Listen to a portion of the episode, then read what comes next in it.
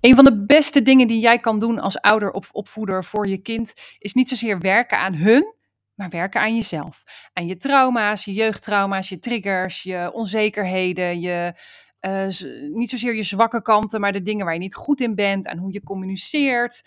Al dat soort lekkere dingen en je belemmerende overtuigingen en ehm, de manier waarop jij in het leven staat. Want uh, dat bepaalt voor een heel groot deel hoe jouw kind in het leven gaat staan. En je zal misschien schrikken om erachter te komen dat het merendeel van wat je daarbij doet onbewust is.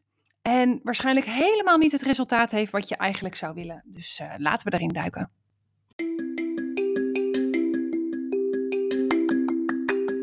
Hey leukert, welkom bij deze aflevering van Evi's Waanzinnige Podcast. Zoals iedere aflevering start ik met een waanzinnige zin vertel ik je waar hij mij toe inspireert op het gebied van persoonlijke groei, helemaal jezelf zijn en natuurlijk allerlei nerdy weetjes die me te binnen schieten. Laten we erin duiken.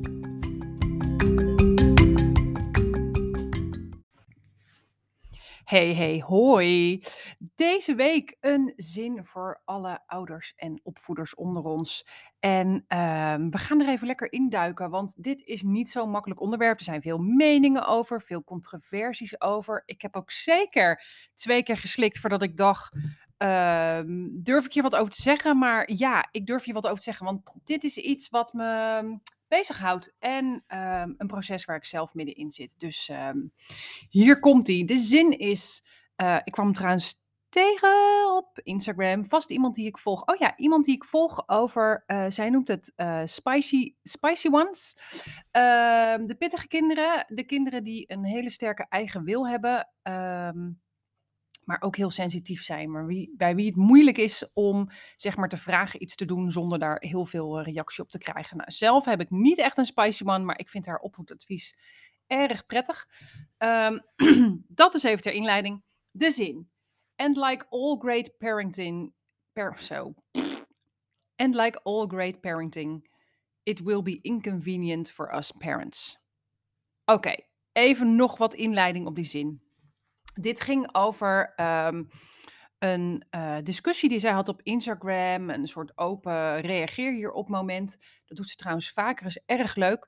Um, over of je kind nee mag zeggen tegen um, knuffels, uh, uh, eigenlijk invasies van haar of zijn persoonlijke ruimte. Dus ben je verplicht om je kind, weet je wel, te laten knuffelen door visite of handen te laten schudden? Of weet je, stel je gaat op visite met je kinderen, hebben die mensen dan recht op jouw kinds aandacht? Daar ging het een beetje om. En uiteindelijk kwam er wel heel erg ook uit de discussie dat veel mensen zich ongemakkelijk voelden door de manier waarop ze verplicht als kind uh, bijvoorbeeld knuffels of kussen moesten geven. Of ja, zichzelf moesten laten aanraken. Ook als dat gewoon heel erg vriendschappelijk bedoeld was. En um, dat uh, lichaamsautonomie, hè, dat je nee kunt zeggen tegen dingen en grenzen kunt stellen. Zeker ook met betrekking niet alleen tot wat je ongemakkelijk vindt, maar ook um, eventuele ernstigere manieren van waarop een kinds privacy uh, um, zeg maar geschonden wordt door misbruik of, uh, of later als je groter bent door aanranding of verkrachting. Allemaal begint met je kinderen nee laten zeggen wanneer jij eigenlijk nog een beetje de baas over ze bent. Um, en dat de kinderen die dat leren als ze jong zijn, dus sterker in hun schoenen staan wanneer ze ouder zijn. Nou, dat is een beetje waar die zin vandaan kwam. En zij, zij concludeerde daar dus over van dat je daar jong mee moet beginnen. Dat je luistert naar hun grenzen en hun nee. En um, ja, dat dat zoals alle geweldige opvoedkundige stadiums in het leven weer lekker ongemakkelijk is voor jou als ouder. Nou, dan heb je een beetje even een inleiding waar deze vandaan kwam. Want over die hele lichaamsautonomie gaan we het niet hebben. Daar heb ik ook veel over te zeggen, maar daar google je zelf maar even naar. Wij gaan het dus hebben over um, waarom het ongemakkelijk kan zijn uh, om je kinderen op die manier uh, te laten gaan. En dat heeft een beetje te maken, denk ik, met een beginpunt wat wij nog wel eens uh, vergeten als ouders, of als niet zo bewuste ouders misschien. en dat is dat je voedt eigenlijk een geheel eigen persoon op. En het klinkt echt heel simpel dit, maar ik vind dat soms echt nog wel eens mind-blowing. Dat mijn kind is net zo anders van mij als ik ben van mijn ouders. Of misschien wel zoals ik ben van wie dan ook om me heen. Ieder mens dat geboren wordt is een eigen unieke variatie op alles wat er al is. En ondanks dat we het uit jonge kinderen misschien nog niet altijd kunnen zien, en zeker niet uit een baby, is het gewoon een eigen volledige persoon. Het is geen kopie van ons. En ehm, een tijd terug eh, hoorde ik wel eens de uitspraak: je voedt geen kinderen op, je voedt volwassenen op. ehm, die daar wel mooi bij aansluit. Want je maakt een kind niet klaar voor het kinderleven. Ja, als het goed is, voed je een kind op voor het volwassen leven daarna. Dat betekent dus dat een van jouw taken is om ze naast, zeg maar, te voeden, een veilig thuis te bieden of dingen te leren, vooral is om ruimte te geven aan wie zij zijn, aan hun eigen persoon. En eh, dat is niet altijd makkelijk, want dat strookt niet altijd met jouw planning, maar ook zeker niet altijd met jouw ideeën over hoe de dingen moeten gaan. En daar rol ik een beetje in het proces waar ik in zit. Nou, het mag inmiddels eh, geen geheim meer zijn dat ik eh, de afgelopen anderhalf, misschien wel bijna twee jaar, inmiddels ehm, heel hard gewerkt heb aan eh, mijn angststoornis, waarvoor ik twee jaar terug gediagnosticeerd werd voor het eerst. En daarmee rol je een beetje automatisch in eh, jeugdproblematiek, traumaverwerking, belemmerende of eigenlijk meer overlevensovertuigingen. En ehm, wat me heel erg opviel en wat, wat echt wel even een soort klap in mijn gezicht was, was dat ehm, ik heel veel van mijn opvoeding deed en vast ook nog doe vanuit mijn triggers. Vanuit de eh, dingen die ik pijnlijk vond in mijn jeugd. Vanuit de dingen die ik daar geleerd heb over hoe je je hoort te gedragen. En ehm, dat is ook weer gebeurd onder eh, invloed, zeg maar, van de triggers en trauma's van mijn ouders en van hun ouders enzovoort enzovoort. Eh, je draagt dat een beetje onbewust op elkaar over en dat komt omdat dat stukje van je brein waar angst en trauma zit, die amygdala, zit in dat oerbrein. Dat is supersterk, dat is gericht op overleven en dat is echt een, ehm, ja, die is je gewoon heel vaak de baas. Zeker als je daar niet bewust van bent of zeker als je zelf in je opvoeding, zeg maar, ehm, ehm, ja, patronen hebt doorgekregen van weer het angstbrein van je ouders of grootouders. En dat, dat wordt een beetje ongemerkt aan elkaar doorgegeven. En daar worden ze de laatste jaren steeds eh, bewuster van. Een heel mooi boek daarover is eh, The Body Keeps the Score. Het is er ook in het Nederlands, maar dat weet ik natuurlijk even niet. En er zijn veel meer wetenschappers die bezig zijn op dit moment met achterhalen hoe dat gebeurt. Nou, even dat een zijstap.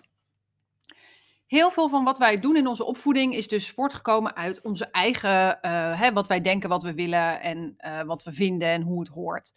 En hoe wij vaak reageren op onze kinderen hun, zeg maar, minder gemakkelijke dingen. Laten we zeggen, de, eh, als ze grenzen aangeven, als ze nee zeggen, als ze iets niet willen, als ze niet doen wat wij keurig en beleefd vinden.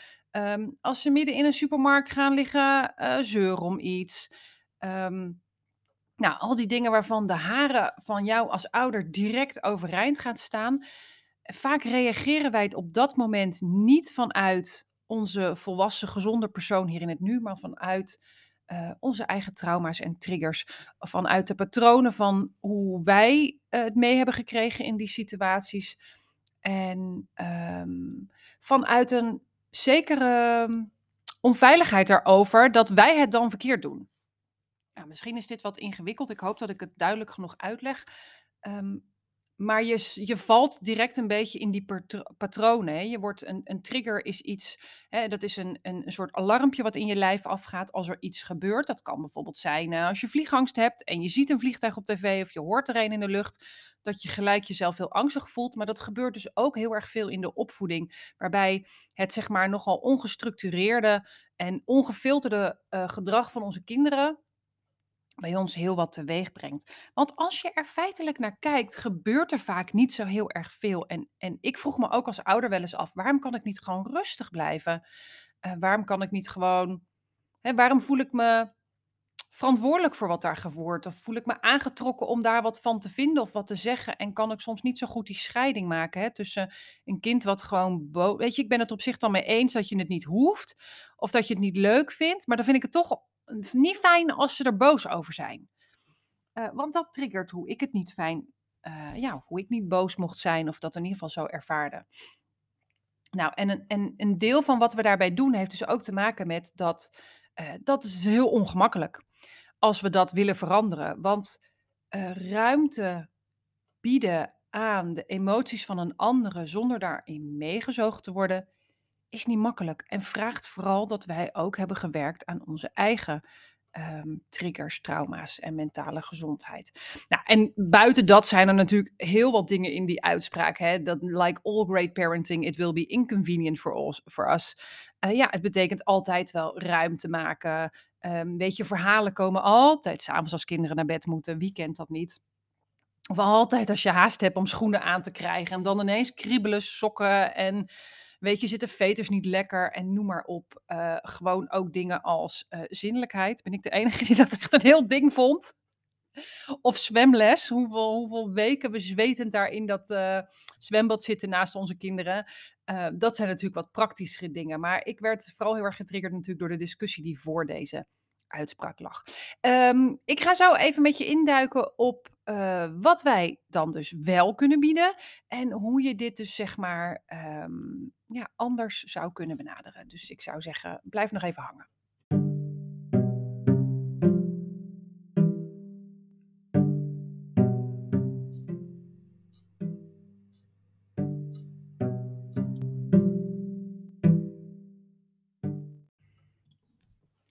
Ja, en, en wat doen we dan met deze informatie? Hè? Want Evie's Waanzinnige podcast gaat natuurlijk over waanzinnige, interessante zinnen. Die bij mij wat losmaken en hopelijk bij jou ook. Maar het is natuurlijk ook wel handig uh, als je wat handvatten krijgt over wat daar dan mee te kunnen. Um, ik heb het, ik, ik, ik uh, zit erg in deze wereld nu en uh, kom dat dus op Instagram overal tegen. En ik moet eerlijk zeggen, ik ben echt mindblown over de dingen die ik leer over niet alleen mezelf en de manier waarop mijn angststoornis ontstaan is. En um, hoe dat generationeel onbewust eigenlijk al honderdduizenden jaren wordt overgegeven. Um, hoe trauma zich in het lichaam vastzet. Hè, en hoe je dus niet zozeer, in mijn geval, bang bent voor allerlei dingen, maar er echt een soort alarm direct afgaat, waar je niet eens over na kan denken en je niet be bewust van bent.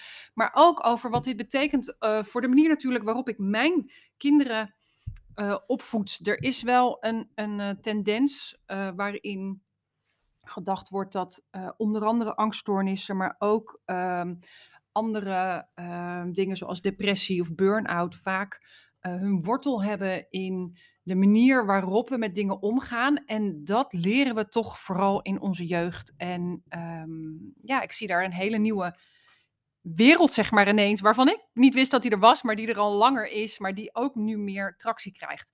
En um, die um, stelt nogal een hoop dingen anders dan hoe wij ze misschien altijd gehoord hebben. Zo is er denk ik een beetje de, uh, de hoe zeg je dat, de algemene tendens dat je kinderen dingen moet uh, laten meemaken en regels moet zetten en kaders en grenzen en, en dat je ze bewijs van soort van moet kennis laten, maken met de boze wereld om te zorgen dat ze veerkrachtig worden.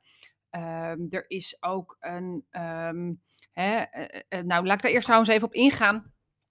ja, ja, je wordt flexibel van dingen meemaken en zien hoe je daarmee opgaat. Maar er is een grote zekerheid over het feit dat je niks leert als je in een overlevingsstand staat of in, een, um, in onder enorme angst of stress bent. Letterlijk sluiten dan namelijk alle andere hersendelen behalve je overlevingscentrum uit en is het dus verdomd lastig om informatie in je op te nemen. Um, denk maar bijvoorbeeld aan wanneer een kind um, pijn ervaart of schrik of angst ervaart en helemaal over de rooien gaat en je als ouder probeert uit te leggen, er is niks aan de hand, er is niks gebeurd, het is, het, het is vaak iets wat wij wel kunnen overzien, um, maar die boodschap komt helemaal niet aan. Want dat lichaam is inmiddels in die survivalstand gegaan en je kan echt op je kop gaan staan, maar er gebeurt niks. Nou, daar zit dus het stukje andere aanpak. Want ehm, vanuit een veilige en stabiele basis gebeurt er namelijk zoveel meer. En hoe creëer je die? Die creëer je over het algemeen niet door kinderen direct in het diepe te gooien en te zeggen: hier, eh, als je het zelf uitvolgt, dan leer je ervan. Maar vooral te laten zien dat ze met hun. eh, je hoeft het ook niet voor ze te gaan doen. Dat is niet per se. Hè, dat lijkt denk ik vaak het tegenovergestelde. Maar het zit hem in het feit of jij die eh, veiligheid kan creëren door er voor ze te zijn op momenten dat ze eh, met hun eigen gevoelens worstelen, het zelf ook niet weten. Dat ze dus dingen doen die ons niet goed uitkomen. Bijvoorbeeld altijd net struikelen en huilen en heel erg pijn hebben als je weg moet. Of eh, als je zelf met iets anders aan de gang wil. Ehm, het is op die momenten ruimte kunnen creëren om er te laten zijn wat nodig is, waardoor die veiligheid ontstaat. En zoals altijd bij Evi's Waanzinnige Podcast zijn er mensen die dit weer zoveel mooier hebben omschreven. Dus ik hoop vooral dat jij het eh, eh, meekrijgt.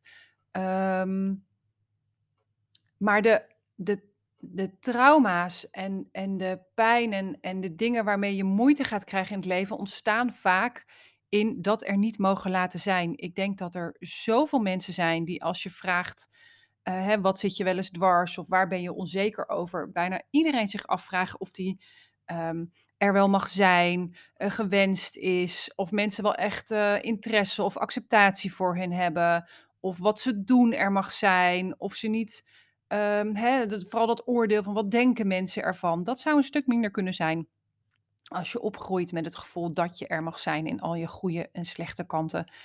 Ehm, en dat betekent dat ik bijvoorbeeld in dingen wat, eh, wat anders aanpak en natuurlijk een balans in moet vinden, want soms komt het ook werkelijk niet uit. En soms schiet je wel eens uit je slof en soms reageer ik vanuit een trigger.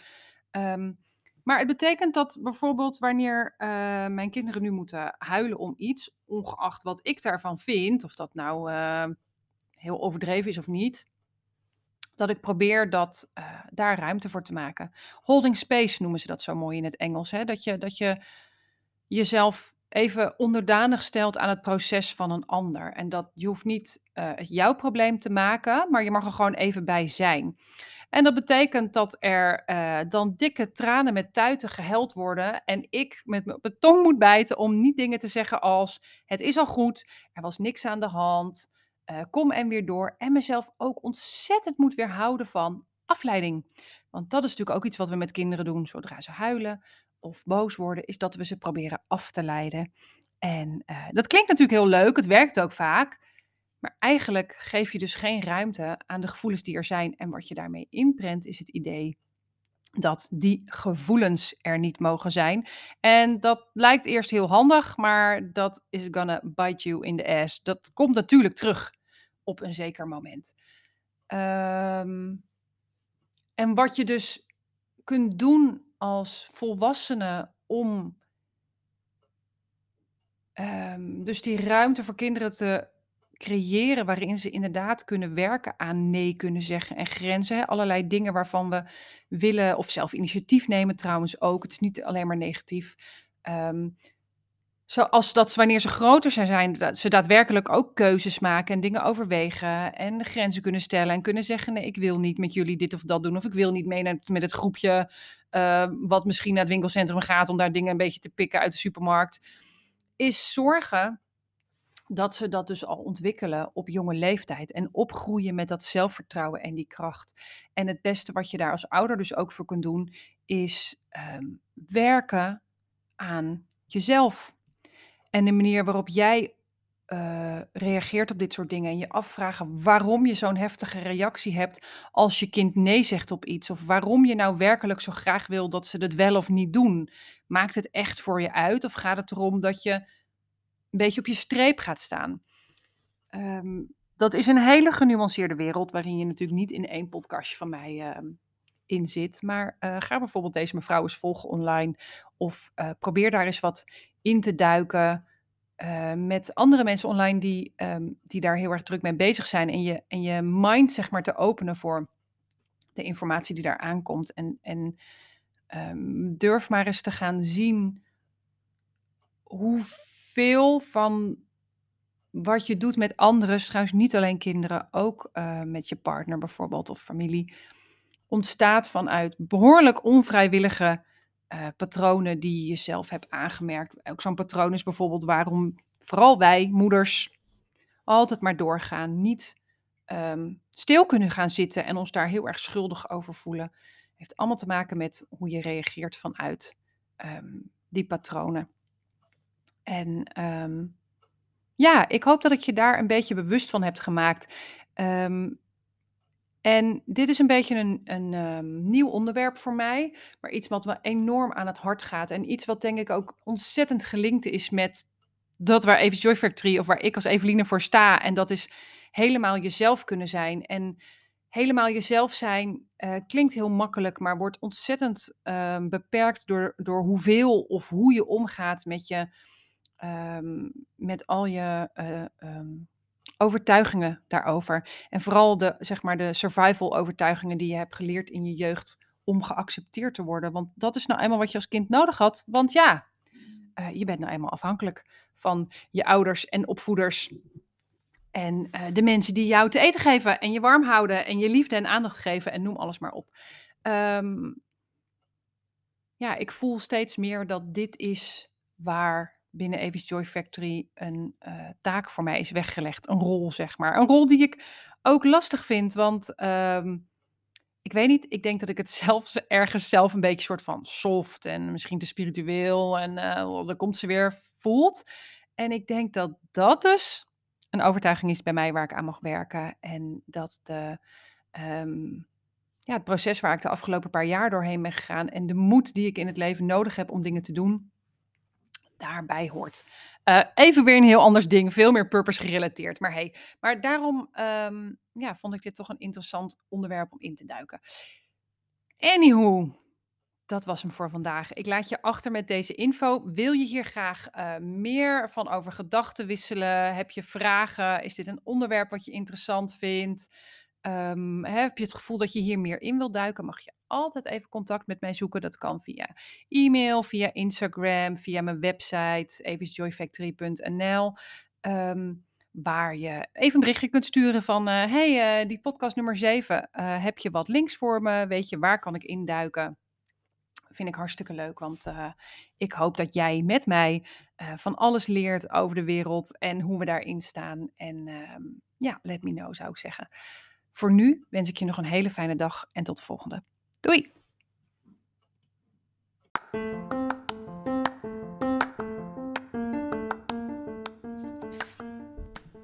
Bedankt voor het luisteren naar deze aflevering van Evie's Waanzinnige Podcast. Wil je reageren of iets met me delen, dan kan je dat het beste doen via Instagram, at Factory, of via mijn website www.eviesjoyfactory.nl. Als je deze aflevering leuk vond, raad ik je ook aan om je te abonneren op deze podcast, zodat je geen aflevering zult missen. Ik wens je nog een mooie dag en tot de volgende aflevering. Doei!